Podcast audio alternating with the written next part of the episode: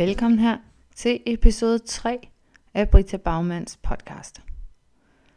Den her lille serie af podcasts handler jo rigtig meget om din personlige power, og om du er en medskaber i dit eget liv, eller om du er en, der føler dig mere som et offer for omstændighederne. Det er de par emner, vi har berørt i de sidste to podcasts. Og i dag skal vi kigge lidt nærmere på, hvem du egentlig er.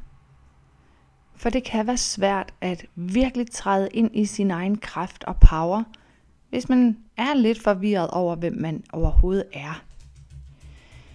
Der er jo mange versioner af dig.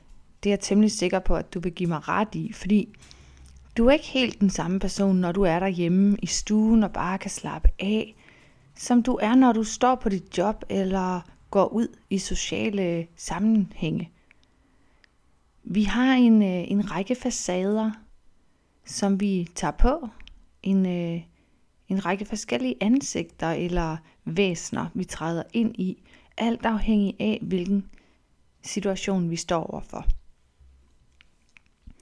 Det i sig selv er ganske normalt, og det er ikke fordi du går rundt og er en falsk person, at du sådan skifter den her facade. Det er faktisk helt øh, naturligt, at vi har en masse vekselpersonligheder i os selv. Men inde bag dem, der ligger din kerne. Der ligger dit autentiske jeg.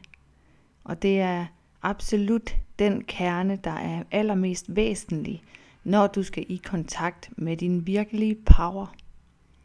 Det er også den kerne, jeg altid arbejder med at finde frem og få aktiveret i både mine forløb og mine sessioner, og selvfølgelig især, når jeg uddanner folk.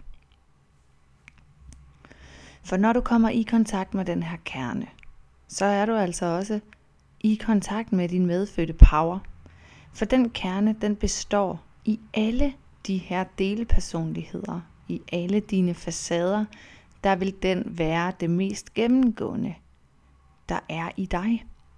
Det vil altså sige, når du står på dit job, så er du måske lidt mere udadvendt og smilende, end når du bare sidder derhjemme. Det vil sige, at du kan skifte mellem at være udadvendt og lidt mere indadvendt.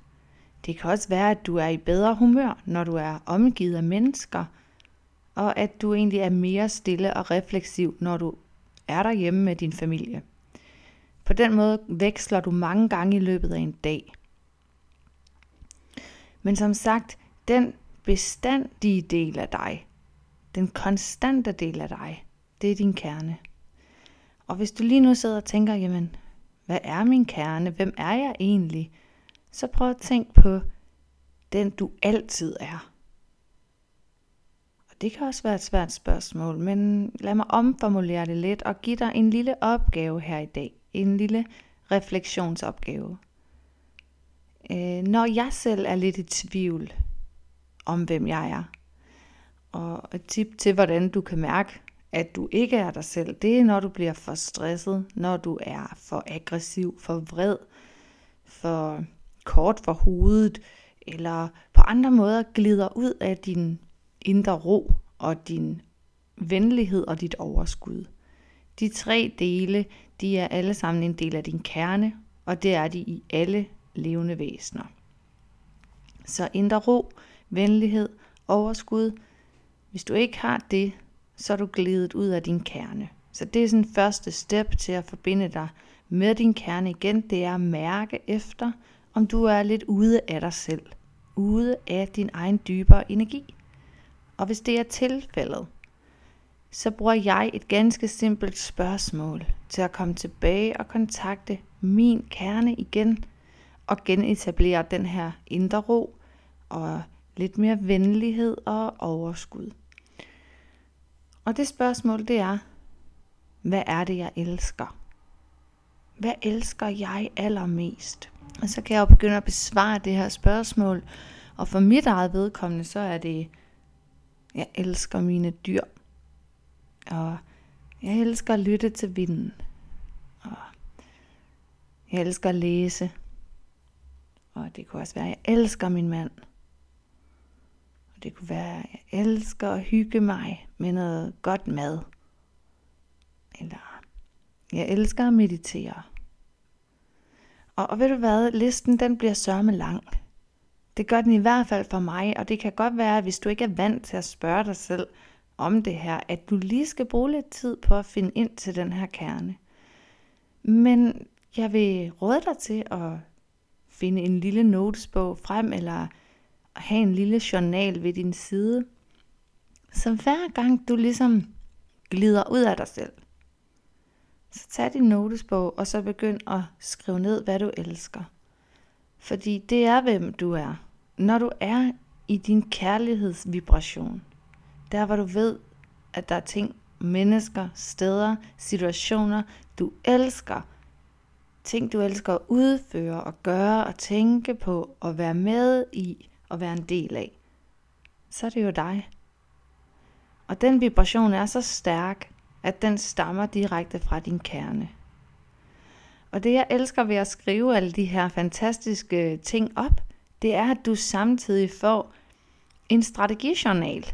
Det vil sige, hvis du er glædet ud af din kerne og ikke rigtig føler, at du kan genetablere kontakten, så kig i den her journal, og så gør noget af det, der står der i. Så vær sammen med din mand, eller kæl din kat, eller lav en meditation – eller spis noget lækkert mad og forkæl dig selv, hvis det er det, der skal til, for at bringe dig hjem igen. I dit dybere jeg, i dit mere autentiske væsen. Og så kan du kende dig selv igen. Og når vi er der, så breder der sig bare en indre ro. Og vi får vores overskud tilbage, når vi husker på at tilgodese vores kerne med de ting, vi elsker. Så det var dagens lille tip til dig om at komme tilbage i en stærkere kontakt med din autentiske kerne. Og det har vi alle sammen brug for, for ikke at miste os selv i den her verden fyldt med kaos og indtryk fra alle sider.